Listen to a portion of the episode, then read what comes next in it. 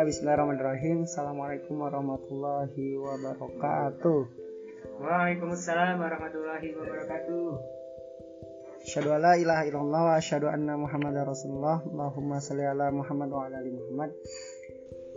Ya, jadi eh, hari ini kalau nggak salah kemarin-kemarin saya pernah cerita sempat cerita tentang katalis ya, bagaimana dia mempercepat sesuatu gitu.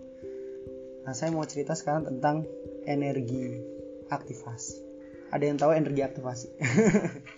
Bukan?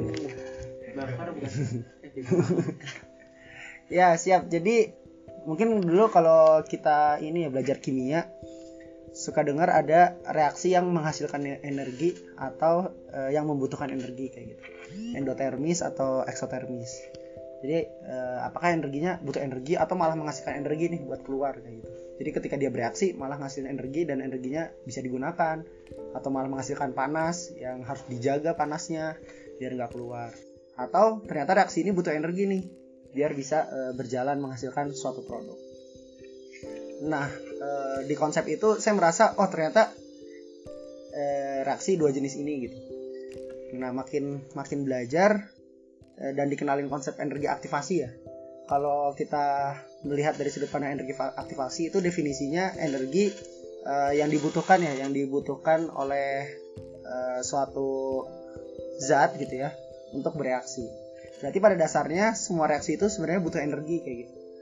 Entah itu dia ujungnya bakal ngasilin energi juga atau malah energinya kepake semua atau gimana itu eh, ujung-ujungnya tetap semua butuh energi aktivasi. Jadi kalau gambarnya gitu ya nggak bisa nggak bisa ngebayangin ya. Jadi misalnya dia ada di posisi eh, reaksinya sekarang ada di posisi garis eh, Y sama dengan 0 gitu ya Y sama dengan 0 nah eh, hasil reaksinya itu antara dua antara di Y sama dengan positif berapa misalnya positif 5 atau positif 6 gitu ya atau di Y sama dengan negatif 5 gitu di bawahnya. Nah kalau di bawahnya berarti menghasilkan energi kalau ke atas berarti membutuhkan energi. Nah si energi aktivasi itu nilainya selalu lebih tinggi daripada Y plusnya itu gitu.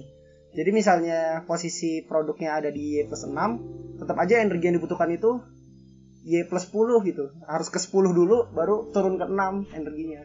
Atau kalau dia menghasilkan energi dia naik ke 10 dulu baru turun sampai ke minus eh, berapa gitu ya minus 2 atau minus 3 gitu.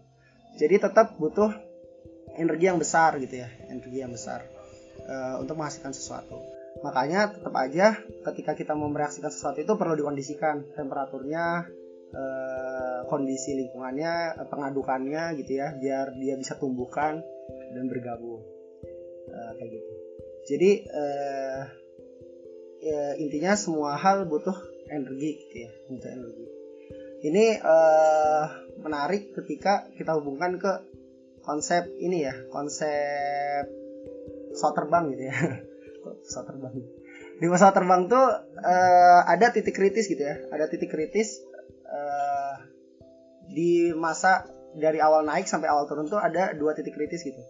Titik kritis yang pertama adalah ketika awal naik butuh fokus yang sangat tinggi ya. Butuh fokus yang sangat tinggi, bener-bener fokus dan harus siap banget baru bisa naik. Dan ketika mau turun gitu ya, bahkan penumpangnya itu setiap mau naik mau turun tuh diingetin dulu gitu, saking eh, ini kondisi yang kritis gitu ya.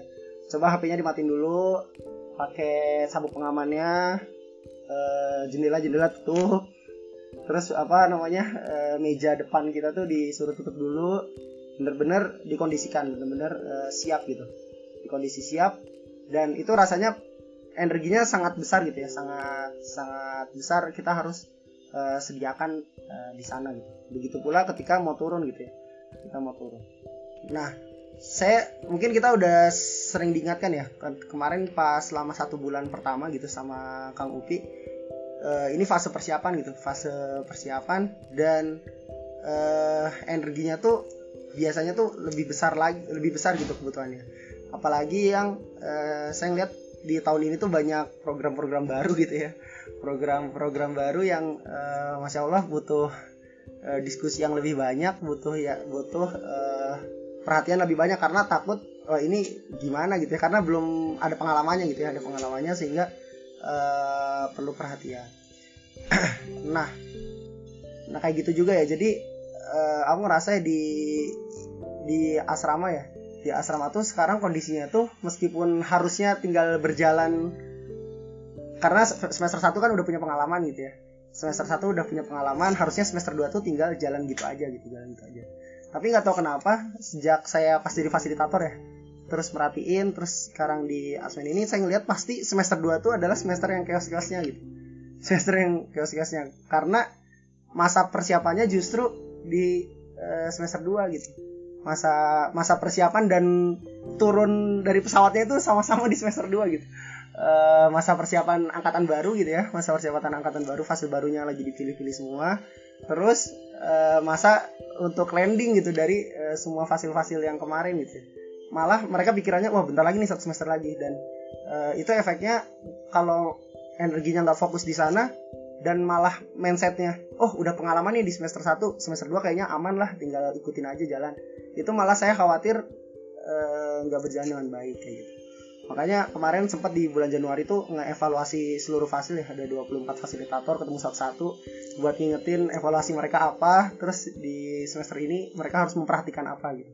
Jadi apa? Karena khawatir banget ketika landing mereka nggak siap gitu. Mereka nggak siap. Padahal semester ini semester mau landingnya kayak gitu Eh, kayak gitu sih. Jadi eh suatu konsep yang menarik ya. Meskipun ujungnya nanti ya ujungnya kita menghasilkan sesuatu atau ya kita butuh banyak resource gitu ya.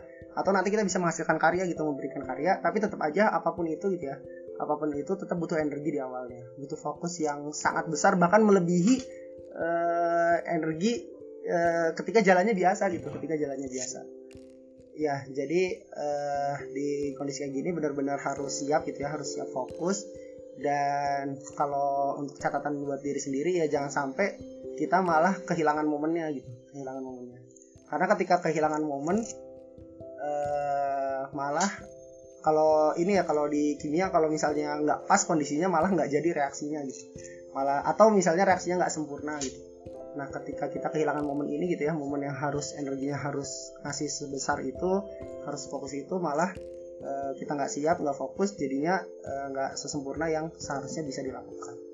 Mungkin itu pengingat untuk diri saya sih eh, di sini. Terima kasih banyak. Assalamualaikum warahmatullahi wabarakatuh. Waalaikumsalam warahmatullahi wabarakatuh.